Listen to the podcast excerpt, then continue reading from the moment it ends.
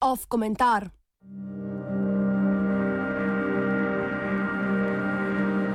V tokratnem torkovem komentarju se bomo posvetili ameriškemu predsedniku in najverjetnejšem kandidatu republikanske stranke na predsedniških volitvah naslednje leto, Donaldu Trumpu. Zavedamo se, da ste, povsem upravičeno, že povsem naveličani govora in razprave o njem. Verjemite nam, da nihče ni bolj naveličan nenehnega toka političnega balasta o predsedniku, ki ga proti nam vsakodnevno pošiljajo naši ameriški novinarski kolegi, kot mi v aktualno politični redakciji. Zdi se, da so novice o predsednikovih napakah ali dosežkih, odvisno pač od politične usmerjenosti medijske hiše, postale kar neke vrste lastno medijsko področje. Tako kot sta nam na voljo naprimer vreme ali šport, lahko poleg notranje političnih tem vsak dan preberemo, kaj je novega v svetu Trump.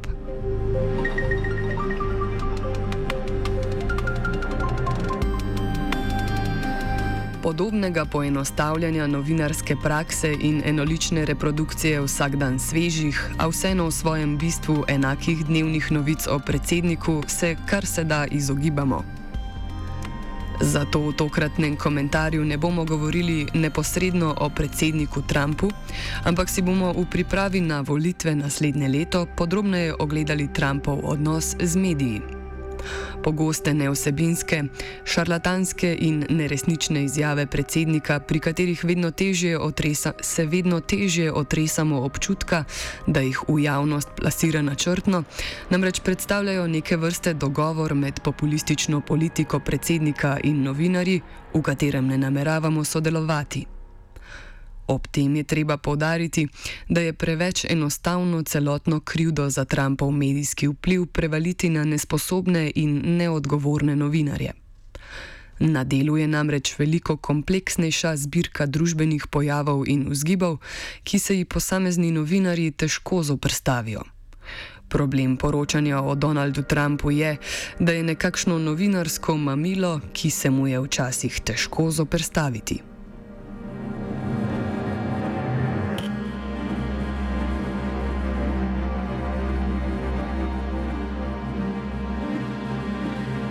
Zametki te čudne simbioze med navidez nasprotnima entitetama so se pokazali že med predsedniško kampanjo leta 2016, ko se je Donald Trump iz politično nerelevantnega osebka spremenil v nepremagljivo in navidez nedotakljivo politično žival.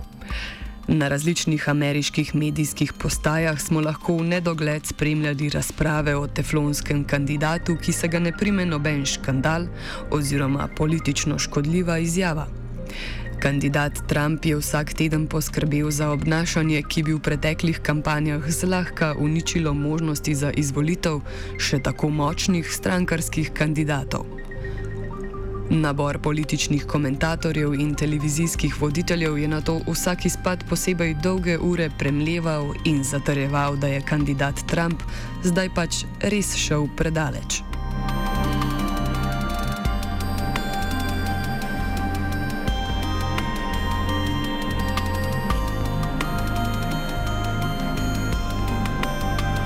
Čemernim obrazom in gnusu, ki je spremljal omenjene razprave, pa so velike ameriške medijske hiše vzljubile Trumpov doprinos v novičarski cikl.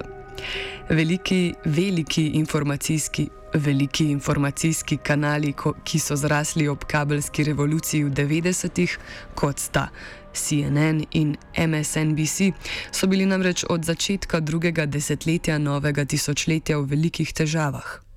Internet je začel nadomeščati kabelsko televizijo kot glavni informacijski vir ameriške družbe. To je pomenilo manj naročnikov na informacijske kanale in manjšo potrebo po njih.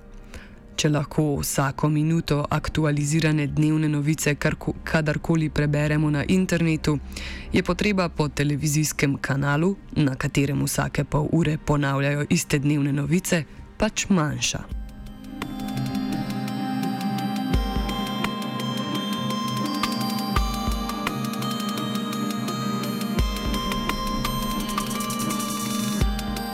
Čeprav pojava Donalda Trumpa ni povsem rešila teh težav in število abonentov na kabelsko televizijo še vedno ustrajno pada, pa staroidnost njegovih škandalov in intelektualna predvidljivost obravnavane vsebine pomenila zeleno vojo za propadajoče medijske imperije.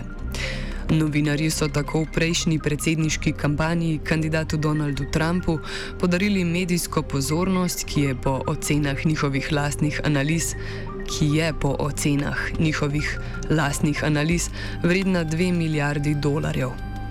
Manj znan kot uspeh kandidata Trumpa je uspeh medijskih hiš kot je CNN, ki so v letu 2016 zabeležili svoje najboljše leto do sedaj.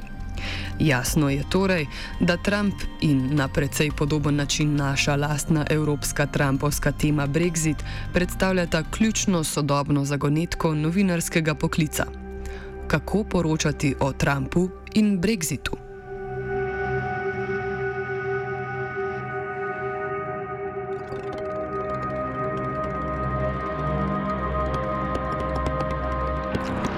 Gotovo je po slišanem najlažji odgovor na prvo žogo, da od, o obeh pač ne bi smeli poročati. S tem se izognemo nepotrebni pozornosti, ki jo namenjamo političnim klovnom in prenasičenosti medijskega prostora z njihovimi podobami. Čeprav na ta način lahko več časa posvetimo temam, ki neposredno vplivajo na življenje ljudi, pa se ob takšni medijski strategiji ne moremo znebiti občutka, da ne opravljamo temeljnih novinarskih dožnosti. Ne moremo namreč čisto vestjo trditi, da dejanja in politike najpomembnejših političnih entitet na svetu niso važne. Naj bodo na vodilnih položajih še tako veliki klovni, lahko njihove odločitve zapečatijo usodo milijonov ljudi in vplivajo tudi na relativno majhne, nepomembne podalpske države. Ravno v tej dihotomiji se skriva razlog za medijsko uspešnost Donalda Trumpa in Borisa Johnsona.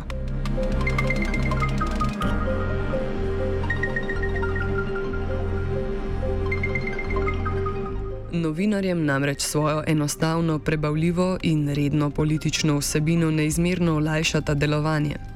Sodobni slovenski novinar lahko skoraj vsak dan svojo zunanjo politično kvoto izpolni s pogretimi in malce spremenjenim člankom o Donaldu Trumpu in Brexitu, ne da bi mu ob tem lahko kdo očital, da ne poroča o najpomembnejših mednarodnih akterjih.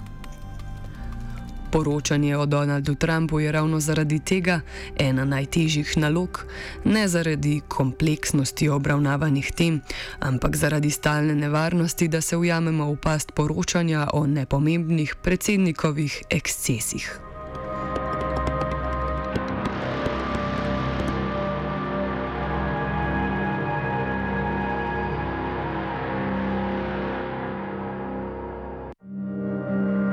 Čeprav se to vprašanje morda na prvi pogled zdi trivialno in banalno, je jasno, da je do določene mere ohromilo tako imenovano zahodno medijsko sfero. Ob vedno večji komercializaciji medijev, odpuščanju novinarjev in širjenju prekarnih oblik zaposlovanja je poenostavljanje novinarskega poklica prevečkrat mamljiv izhod za preobremenjene novinarske kolege. Ob tem ne moremo mimo dejstva, da je problem Trumpovske banalizacije medijev najbolj prisoten ravno v tistih državah, kjer sta privatizacija in liberal liberalizacija medijev dosegli najvišjo stopnjo. Pomen neodvisnih in javnih medijev, ki nad svojimi novinarji ne vršijo omenjenih pritiskov, vsaj ne v enaki meri kot zasebne medijske hiše, je ob tem jasen.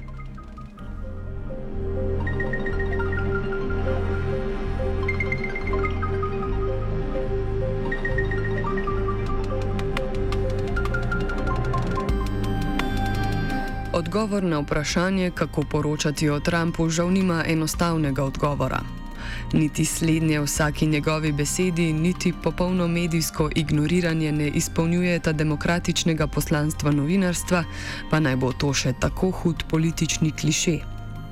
Podobne pasti enostavnih, a praznih političnih tem se vedno pogosteje pojavljajo tudi v slovenskem medijskem prostoru. Količina medijskega poročanja, ki so ga državni mediji naprimer posvetili odstrelu nekaj zveri v slovenskih gozdovih, je le eden izmed takšnih primerov.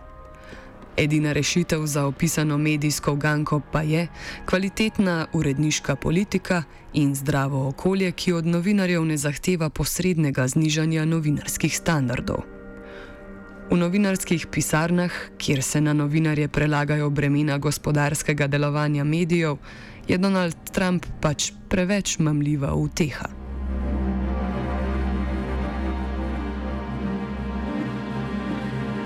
Komentiral je Koruza.